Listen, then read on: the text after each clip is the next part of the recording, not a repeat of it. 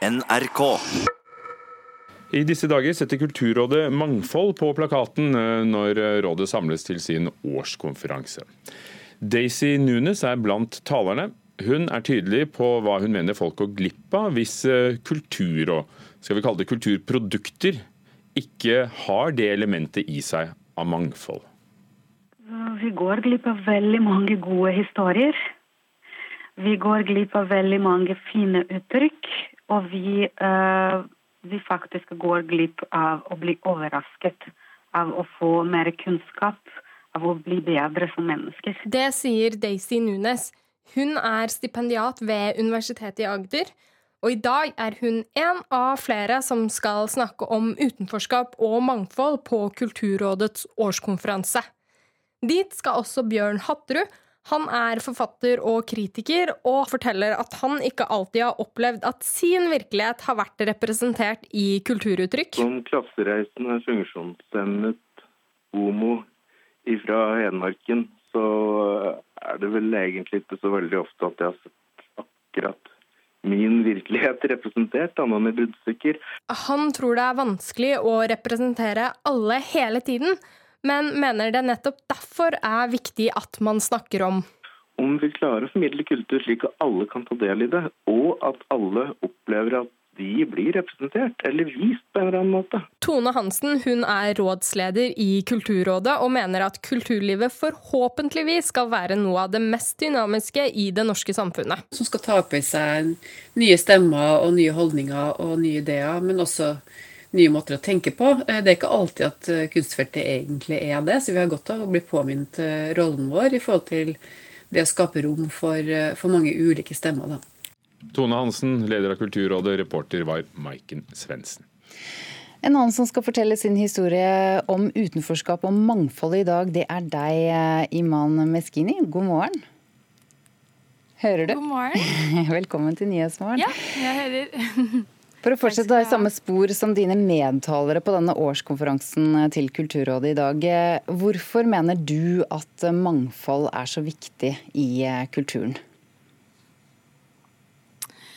Jeg uh, har jo da vært med i uh, en serie som heter Skam.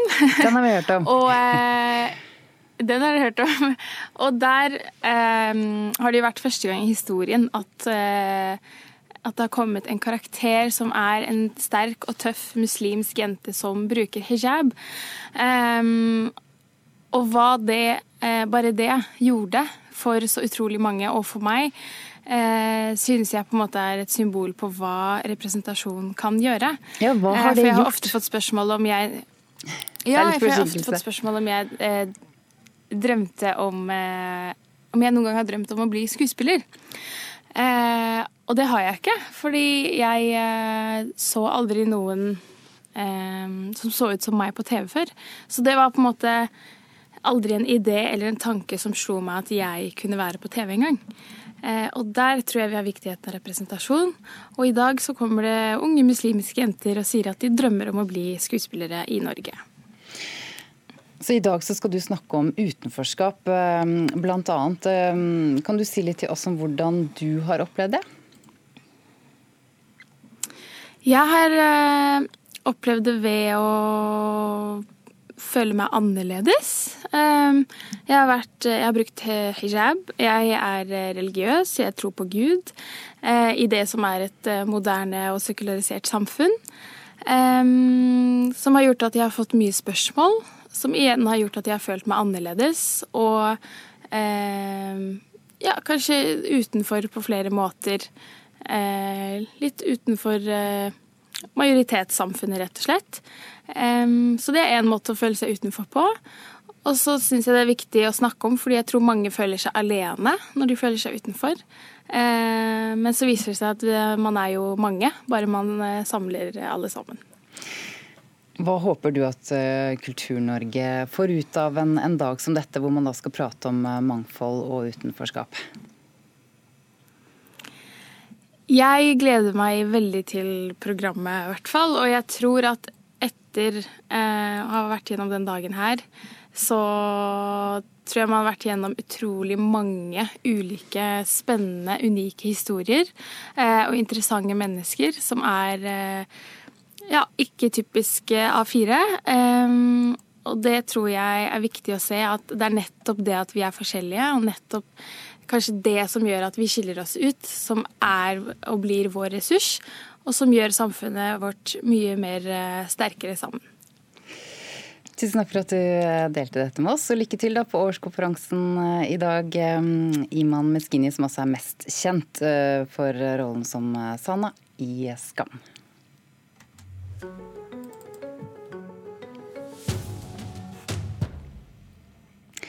En eh, flekkete cardigan eh, med sigarettmerker er lagt ut for salg på et amerikansk eh, auksjonshus, og den blir anslått til å koste flere hundre millioner dollar. Kulturreporter Petter Pettersen, hva er det som er så spesielt med denne cardiganen?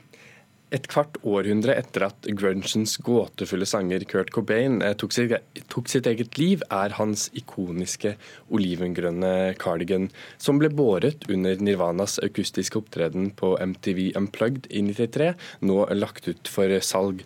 Eh, og med da mørke flekker og et brennull fra en sigarett, så kan den gå for minst 200 000-300 000 dollar, omtrent 1,8 til 2 2,7 millioner norske kroner, ifølge anslag fra forhåndsbudgivningen eh, på auksjonshuset Julians Auctions i USA denne jakka, da, strikkejakken, den ja. er så spesiell at den, den, blir faktisk eh, beskrevet som Den hellige gral. Det må du forklare. ja, eh, eh, auksjonshuset beskriver det som Den hellige gral. Og de, de sier videre at han skapte grunge-stilen ved at han ikke hadde på seg eh, showklær under, under, bandets konserter. Og, og eh, Cobains opptreden med denne, denne strikkejakka i 93 eh, regnes som en av de mest ikoniske showene i denne serien, og ble altså sendt da etter hans død. Og så er det sånn at Budgivningen eh, starter 25.10, er det sånn? Det stemmer. Det er snart.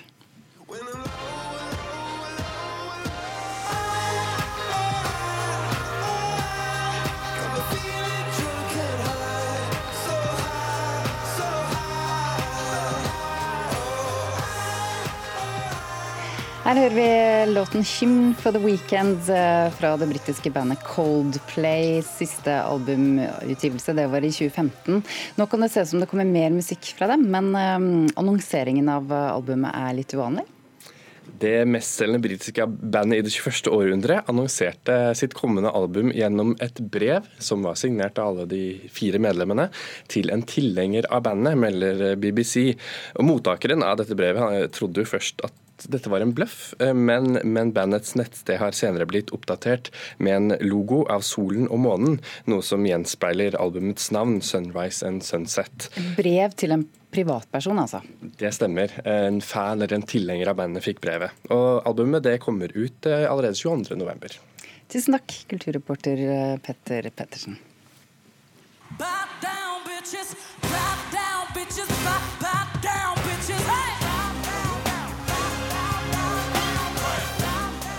Har du sett videoen til denne låten av Beyoncé, så har du sett også en av maskene til Damselfrau, som hun kaller seg, Magnhild Kennedy, som lager masker. Det begynte på bar bakke i Trondheim.